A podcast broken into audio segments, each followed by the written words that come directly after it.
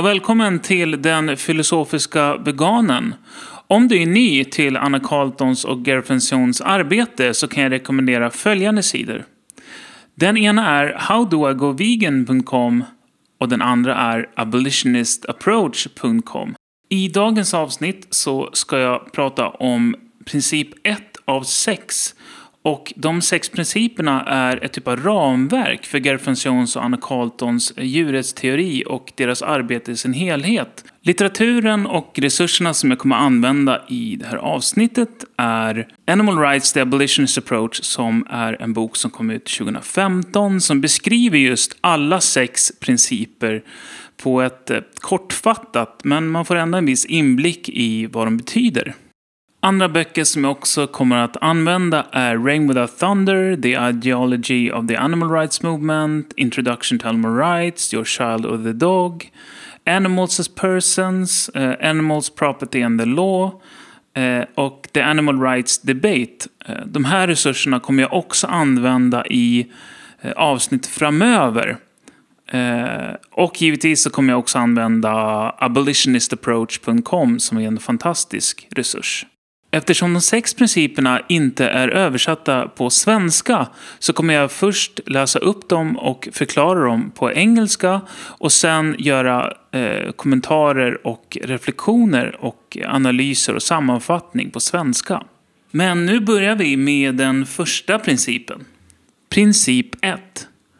Abolitionists maintain that all sentient beings, human or non-human, have one right the basic right not be treated as a property of others. Animals are classified as property and are used exclusively as resources for human. Although we claim to regard animals as having moral value and to not be just things, their status as property means that they have no moral value, they have only economic value. We recognize that treating humans as property is inconsistent with recognizing humans as members of the moral community. We accept as a fundamental moral principle that all humans, irrespective of their particular characteristics, must be accorded the basic moral right not to be property. On this principle rests the universal condemnation of human slavery. The property status of animals means that animals are considered to be things, irrespective of what we say to the contrary. There is no way to distinguish humans from non humans that can justify withholding from all sentient non humans the same right that we accord to all humans. We need to recognize that all sentient beings are equal for the purpose of not being used exclusively as human resources.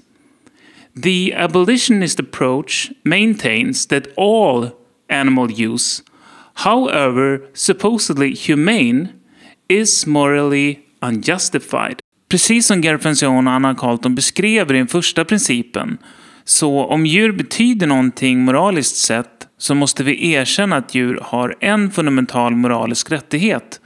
Rättigheten att inte bli behandlad som någons egendom.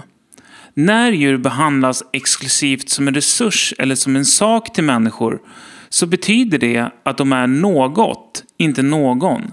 Det vill säga, de är en sak, en resurs, inte en moralisk person. Vi tror att de flesta människor tar avstånd från idén att djur bara är saker och att vi faktiskt känner en viss typ av samhörighet med andra djur. Det abolitionistiska synsättet på djuret erkänner också denna fundamentala princip när det handlar om människor. Varje människa har en moralisk rätt att inte bli behandlad som egendom. Men vad betyder egentligen rättigheter? Att beskriva rättigheter är inte alltid det enklaste, men så här skulle man kunna göra det. En rättighet är ett sätt att skydda ett intresse. Och ett intresse är något som vi föredrar, något som vi eftersträvar, vill ha och önskar. Det finns två olika sätt som man kan skydda en rättighet. Den ena är att man erkänner sig till konsekventialistisk moralisk teori.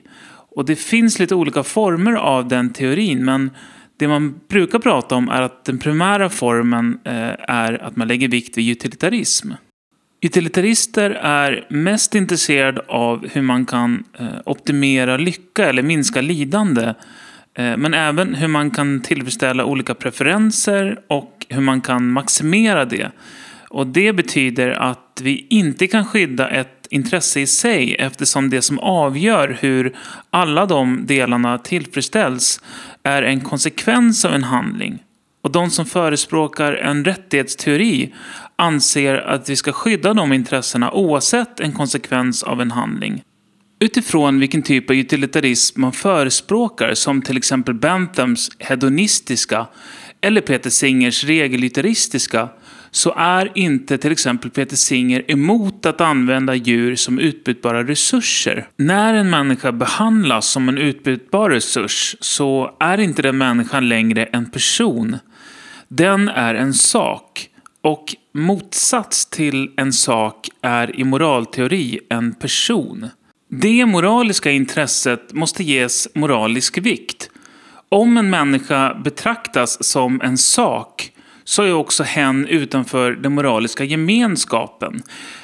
Det vi vet är, och det som är uppenbart, är att det finns slaveri idag, som till exempel trafficking, prostitution, barnarbete och annan typ av mänskligt slaveri. Men ingen skulle idag hävda att en inte har en fundamental rättighet att inte utnyttjas som egendom. Djurs intressen är att de är kännande och det är moraliskt fel att betrakta högre kognitiv förmåga eftersom det leder till en typ av hierarki baserad på diskriminering. Eh, jag ville kort bara prata lite grann om vad en kännande varelse är. En kännande varelse är någon som är subjektivt närvarande eller subjektivt medveten. En varelse som har intressen, som föredrar något, som har önskningar inför livet eller något som man vill ha och behöver. De intressena behöver inte likna människors intressen. Om en varelse har någon form av hjärna som kan uppleva frustration eller tillfredsställelse oavsett vilket intresse den varelsen har, så är den varelsen kännande.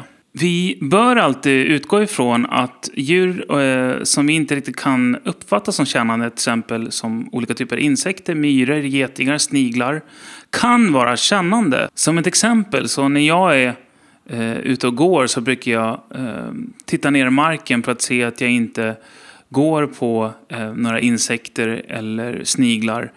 Eh, eller om det finns en myrstack i närheten där det finns väldigt mycket aktivitet för myrorna så gör jag mitt yttersta för att försöka undvika att gå på de varelserna. Men det vi vet är att eh, andra kännande djur som eh, kor, grisar, getter, fiskar, humrar är kännande. Och om man är kännande så har man minst två intressen. Intresset att inte lida och intresset att inte dö. I slutändan så är djuren ekonomisk vara. De är saker vi äger. Och det är vi människor som värderar djurs intressen. Vi bestämmer varje del av deras liv. Vi bestämmer om de ska lida eller dö. Vi kan lämna över dem till eh, en veterinär som kan eh, döda dem. Eh, vi kan lämna över dem till ett djurhem när vi längre inte önskar att använda dem. Så om vi anser att djur har någon form av moraliskt värde, att vi anser att de inte kan användas eh, som egendom så kräver det av oss eh, att eh, vi har en moralisk skyldighet att bli veganer. Som en avslutning på den här första principen så skulle jag vilja prata lite grann om domesticering. Eftersom djur är vår egendom så föder vi upp djur som katter, hundar, kor, grisar, hästar eh, och vi anser att vi har rätt att göra det.